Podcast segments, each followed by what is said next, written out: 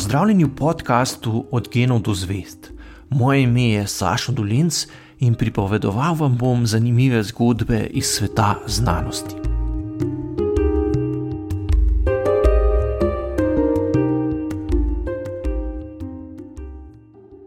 Lepo pozdravljeni, dobrodošli v podcast, ki ga snemamo v okviru izbora za International Medicine Awards 2020.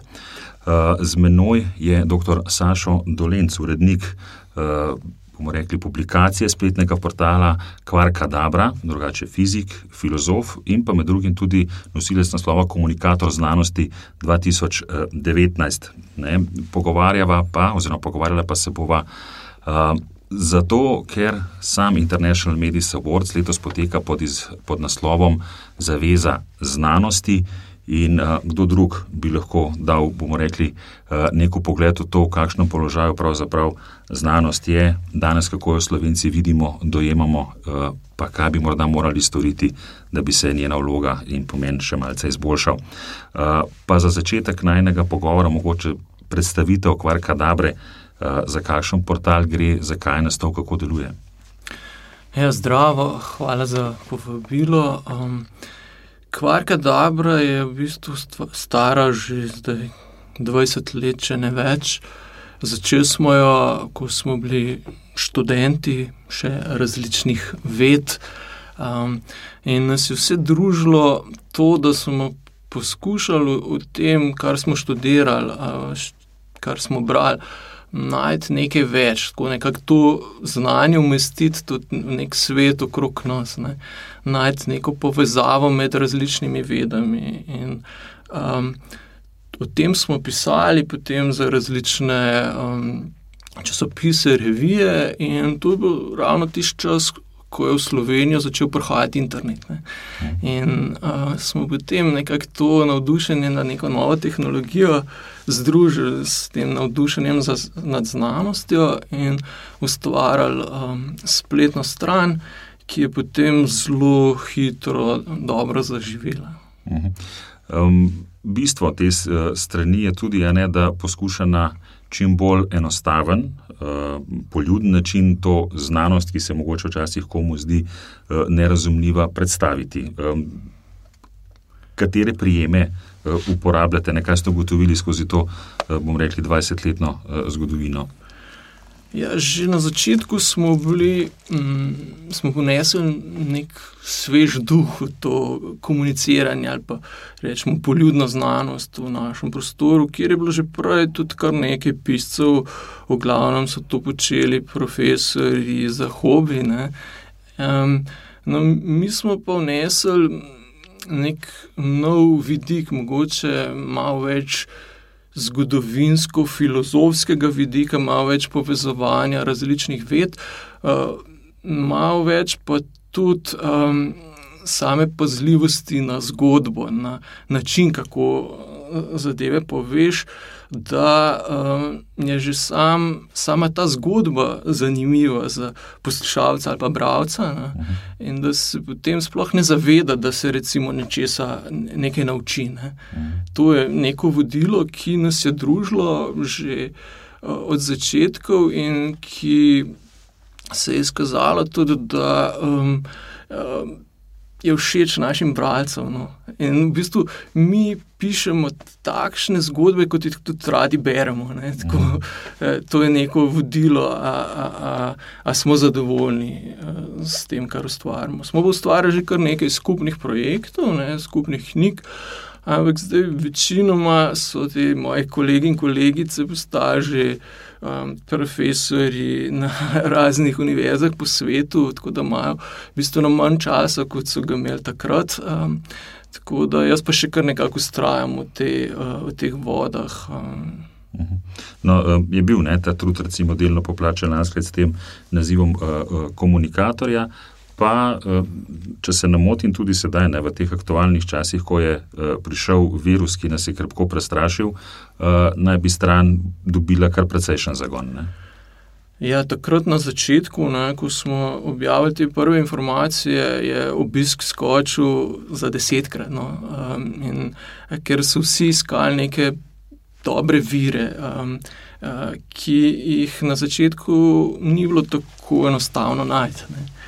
Potem sem tudi jaz sam napisal kar nekaj preglednih člankov, ki so bili zelo brani um, in obiskani o tem, kako sam virus deluje in kako se potem ta um, bolezen razvija. Uh, in mislim, da je bilo tudi tukaj združeno tisto, no, da, da so ljudje dobili ne samo informacijo, ampak tudi nekako okvir razumevanja. In to je tisto, kar je dobro pri, uh, mislim, pomembno pri dobrem komuniciranju znanosti, da uh, ne dobi brati samo informacije, ki je potem kot nek fakt nekam utakne, ampak da, da si ustvari okvir, da lahko tudi uh, potem sodi o novih informacijah, ki, ki jih dobiva. Ne? Ker znanje, sploh moderni znanosti, se vse čas nadgrajuje, prihajajo takšne drugačne informacije. Ne? In tisto, kar je ključno pri dobrem komuniciranju znanosti, da uh, publiko, bralce vzgaja oziroma uh, spravi do te stopnje, da lahko tudi sami sodijo, kateremu viru verjeti in kateremu ne. Um, no, če smo na začetku ne, uh, dobili res ta občutek, da bo virus spremenil naš, bomo rekli, malce otopljen ne, odnos do znanosti, veliko relativizacije se je dogajalo v zadnjem času, in smo mislili, mogoče bo pa ta virus prinesel nekaj novega, bomo uh, vseeno malce bolj prisluhnili znanstvenikom, pa je potem zelo hitro prišlo do tega, uh, da se je začelo relativizirati ugotovitve znanstvenikov, nasvete znanstvenikov. Um, tudi politika uh, se je delno umešala uh, s svojimi um, pravili. Kako vi gledate na to, um, je ta virus naredil kaj dobrega za znanost uh, ali ne? Ja, e, en vidik pomemben je, da se je znanost takoj na začetku že odprla, ne, da so pač uh, vsi rezultati uh, javno objavljeni, ki so povezani s tem virusom. To, to je bilo sigurno uh, nekaj dobrega, pomembnega, ker um, prav ta. Hitrost kroženja ne, informacij, tudi znotraj znanosti, ne, pa tudi med različnimi vedami, je pomembna. Ne. In tisto, kar se je pri nas še uh, dobrega, pomembnega zgodilo, je uh, skupnost uh, sledilnik, COVID-19 sledilnik, ne, ki je uspela ustvariti um, nek vir zanesljivih informacij o. Um, O tem, kaj se z virusom dogaja v Sloveniji. Ne.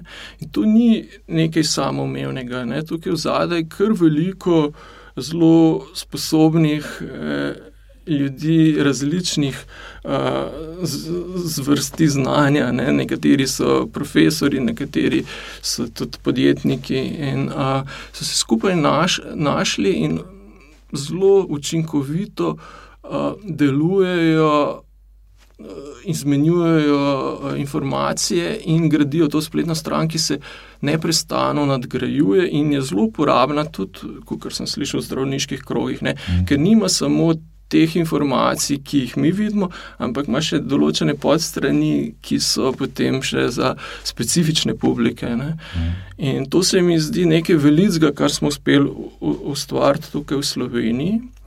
Uh, tisto, kar ni tako dobro, je pa, da um, se pojavljajo določeni, rečemo temu, um, ljubiteljski uh, ustvarjalci raznih modelov, uh, kako se virus razvija. Ki potem svo, svojo zaposlitvijo, recimo na nekem uglednem inštitutu, ustvarjajo tisto, da so strokovnjaki za to področje. Ne. Pa večinoma niso, nekateri so, ne? ampak tisti, ki so najbolj glasni, pa praviloma niso. In tudi uh, potem pridejo v medije ali pa na vladne tiskovne konference z modeli, ki so res, res uh, vprašljive kakovosti. Ne? In to je pa nekaj, kar bi morala morda znanost bolj odločno odreagirati in povedati, um, kaj komu zaupati in komu ne. ne? Ker ljudje, ko vidijo pač nekoga z, nazivom profesor, doktor ali pa da prihaja iz nekega uglednega inštituta, tako so prepričani, da ja, se je to že nekdo drug preveril verodostojnost tega človeka. Ne? Mm. Ne zavedajo pa se, da, da mogoče sploh nima nobene kompetence na tem področju, o katerem govori. Ne. In to je tisto, kar nam mogoče v Sloveniji še manjka. Mhm. No, eh, se, ravno to ne, se mi zdi, da je kar velika težava, se pravi kredibilnost uh, posameznika, ki nastopa, ki daje podatke. In prav v okviru tega virusa smo doživeli celo to, da se je um, postavila pod vprašaj kredibilnost uh, dveh, bom rekel, v medicini najbolj uh, izpostavljenih uh, revij, kot sta Lancet in New England uh, Journal of Medicine. Eh, ki jo je eh, nekdo uspel naplahtati, kljub temu, da naj bi bile te raziskave, se pravi, preverjene strani eh, kolegov, enakih strokovnjakov. Kako to vpliva na verodostojnost, bomo rekli, katere koli stroke? Ja, v bistvu, če te revije ali pa druge inštitucije ustrezno reagirajo, tako kot zvajo, da je prišlo do neke napake, mi tukaj ne vidimo nobenega problema. Ne? Vidimo, da sistem deluje, da uh, se znanje nadgrajuje in kontrolira. To je, to je dobro. Problem je, če ljudje in institucije vejo, da je nekaj narobe, pa ne odreagirajo. Ne? To, je, to je tisto, kar, kar je problem in to se tudi pri nas dogaja. No. Um, če pogledamo položaj um, znanosti danes uh, in ga primerjava recimo uh, z 20 ali pa 30 let nazaj, ko lahko z gotovostjo trdiva, da so bili znanstveniki, je bil ugled na prvem mestu, ki jih je nosil in tudi ne, nosil njihovo kredibilnost. Danes se praktično uh, lahko v dvom postavi uh, vsakogar, uh, če daš pred to. Um, nočejo, da uh, to in to izveste. In sistem dal kredibilnost, kamor, čimorkoli, karkoli bo že uh, kasneje povedal. Ne? Kako smo prišli do te točke? Jaz mislim, da je v bistvu določena skepsa do tega, kar govorijo, kar znanost govori, oziroma kar znanstveniki govorijo, dobro. Ampak problem je potem, da pri nas, eh, tudi novinari, veliko krat pozabijo, da morajo tudi, ko dobijo recimo, sporočilo z nekega inštituta, mi smo pa odkrili nekaj novega, da morajo zmeraj vprašati še nekoga iz istega področja, ki je strokovnjak za tisto. Kar so oni odkrili, pa ni sodeloval pri raziskavi za drugo mnenje. Ne, to je nek standard, ki je uveljavljen v teh velikih medijih, svetovnih. Ne. In če pride informacija o nekem novem odkritju iz Amerike, so to že to stopno preverjanja že izvedli, zato lahko pač naši mediji to povzamejo. Ampak, če pride nekaj iz našega inštituta, je pa to treba še narediti, ampak večinoma tega ne naredijo. Ne. Um, zato pride potem veliko krat tudi do um, takih zelo na, napihnjenih zgodb, ne. kaj so vse uh, naši raziskovalci naredili.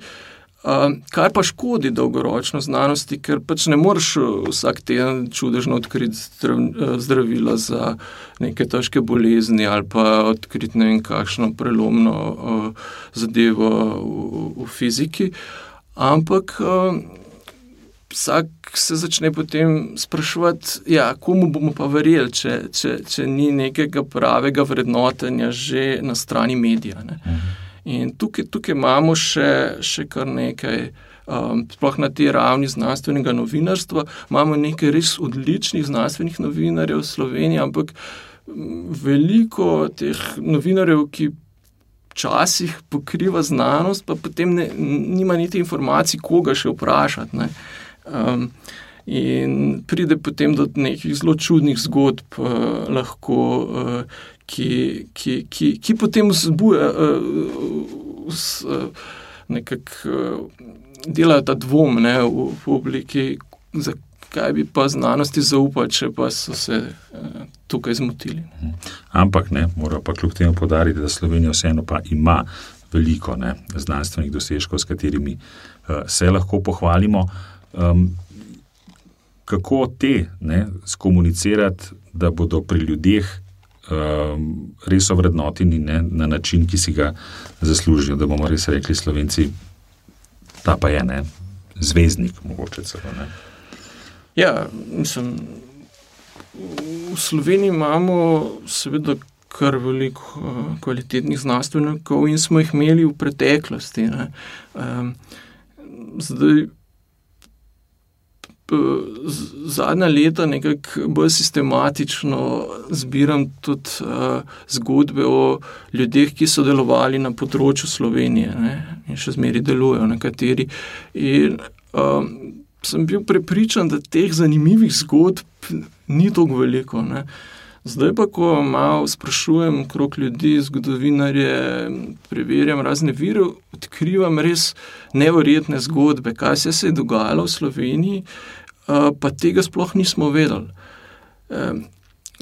Pred nekaj tedni sem objavil članek o izvrstni kirurginji Zori Anžekovič iz Maribora, ki jo nekateri eh, ameriški, ameriške revije uvrščajo celo med 25 najbolj vplivnih zdravnikov 20. stoletja. Ha? Ne samo žensk, ampak vseh zdravnikov 20. stoletja. Nek, nek drug ameriški znanstvenik je umestil na uh, seznam 50 uh, najvplivnejših zdravnikov vseh časov. In mi je pa ne poznamo. Ne?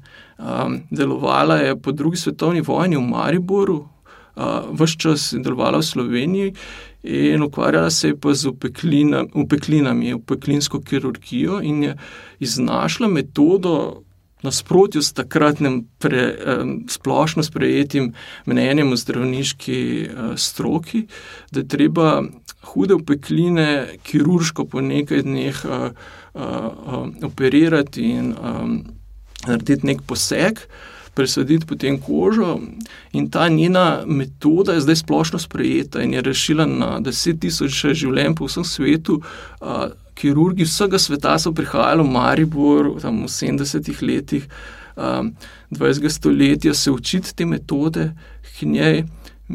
Tukaj pa tudi jaz je nisem poznal, ne, dokler me ni nekdo upozoril na njeno da, da je mogoče zanimivo, in sem šel za raziskovati. In potem v YouTube odtipkam njeno ime in mi pade ven um, predavanje njega profesorja z Harvarda. Um, začnem tisto poslušati in. Prva stvar, ki jo je menil, je neka gospa, ki je z železno zvezo uh, začela razvijati neko no, nov način kirurgije, um, kirurške oskrbe hudih opeklin. In uh, izgovoril je neko ime, ki ga nisem prepoznal, nekaj nisem znal izvora, že ko več izgovoriti. Ampak potem sem gotovil, da, da v medicinskih uh, knjigah celo njena slika. To so take zgodbe, ki, ki res navdušujejo. Ki, ki, um, gospa je umrla pred nekaj leti, ne, ne da bi sploh vedeli, da, da je skoraj sto let doživela. Ne. Um, in to so, to so zgodbe, ki morajo priti bolj v zavest uh, ljudi, ne? da se da tudi tukaj z majhnimi sredstvi, če si res um, um, dober, če, če veš, kaj hočeš, spremeniti miselnost celega sveta. Mm.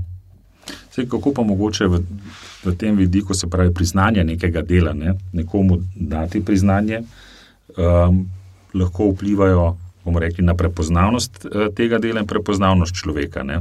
Prav, recimo, v, v, v določenih strokah neke nagrade nekaj pomenijo, v drugih jih praktično ni. Mi se danes pogovarjamo o International Medicine Awards, ki nagrajuje uh, zdravnike, ki se ukvarjajo uh, z aplikativnimi uh, raziskavami.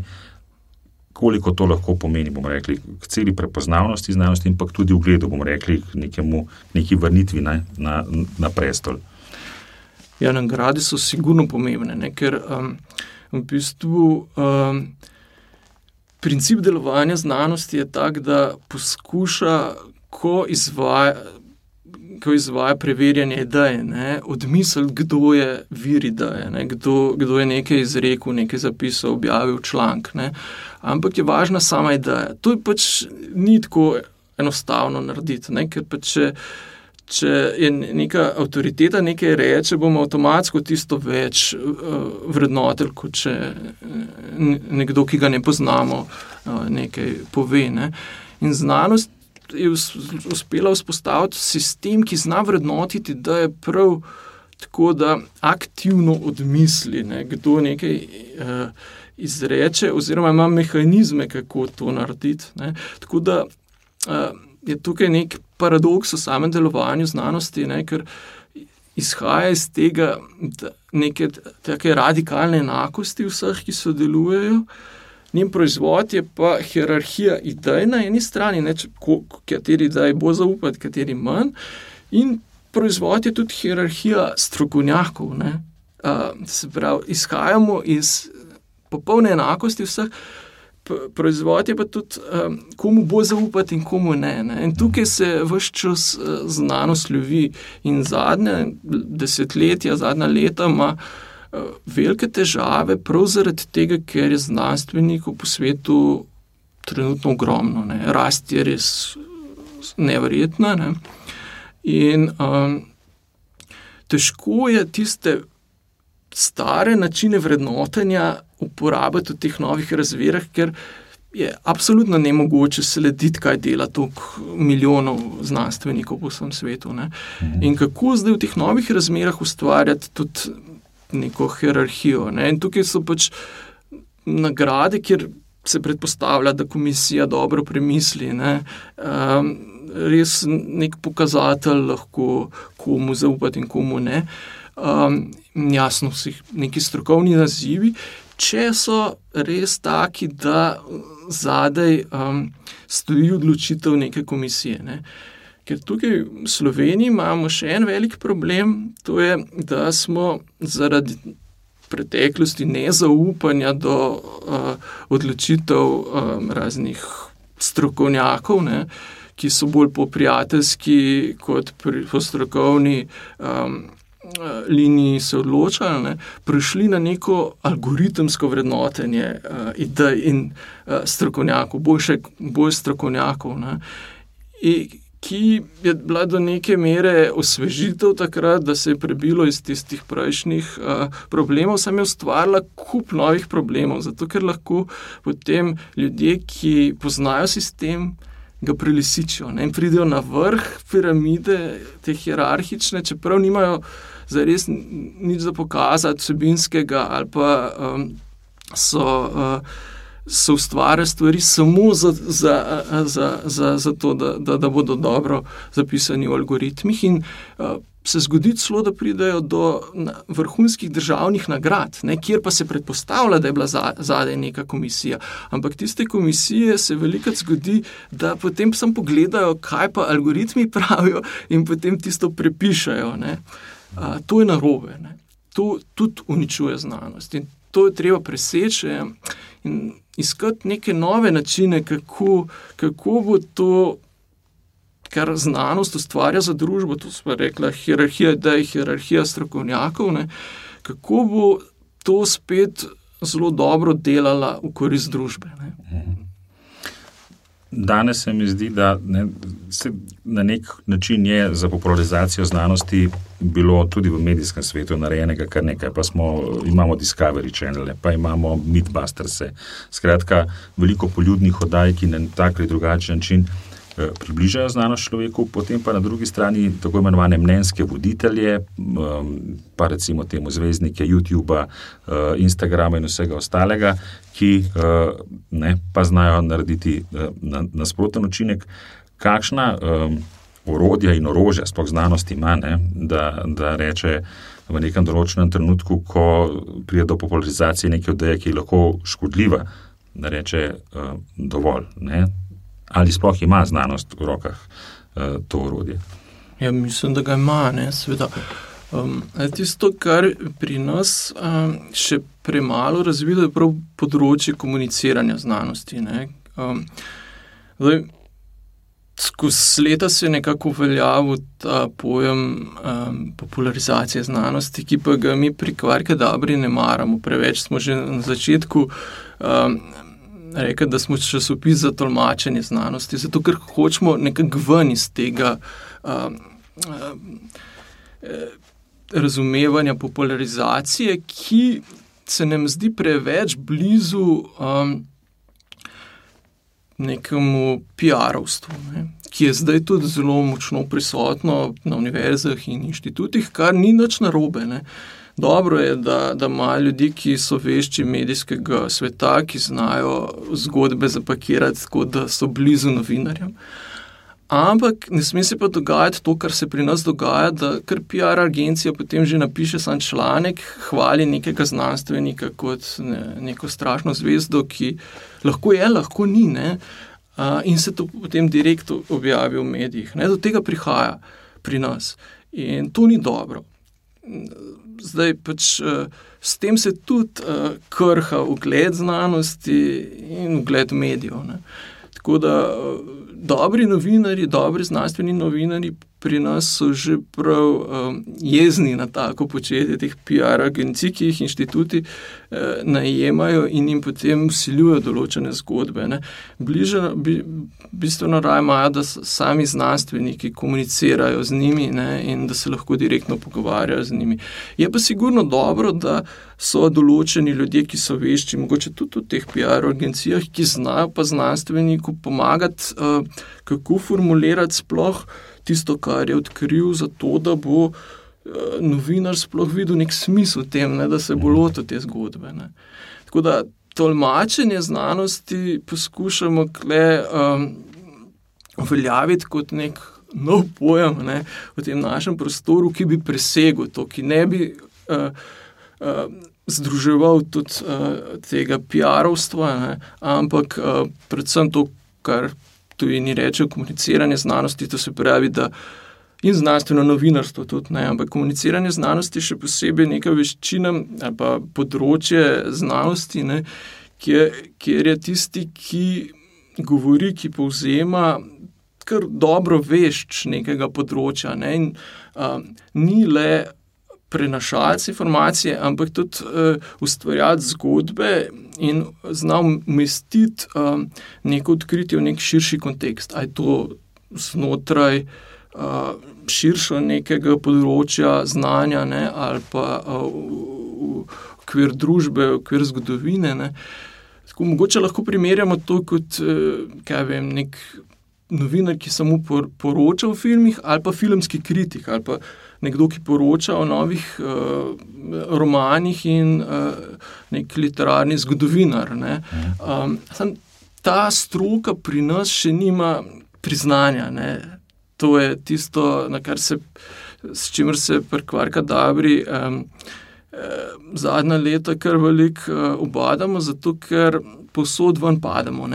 Um, nika, nikamor nas ne znajo umestiti. Nismo ne novinari, ne znanstveniki, ne filozofi znanosti, e, ni nekaj predalčka. V tujini pa je že dolgo, recimo v, v Angliji, ne pa v tem angliškem prostoru, pa tudi drugi, druge po svetu se že. E, uveljavlja to kot neka vrsta stroka, že pred uh, več desetletji se je, ne, in zdaj je že zelo razvito, in imamo kar nekaj uh, teh komunikatorjev, ki so tudi profesori recimo, javnega razumevanja znanosti. Recimo Richard Dawkins je bil prvi ne, na Oxfordu, a, ta slavni biolog, a, a, in zdaj je pa kar, kar veliko. Ne, in pri nas pa ni nobenega še a, a, pripravljenosti, da bi se o tem sploh pogovarjali.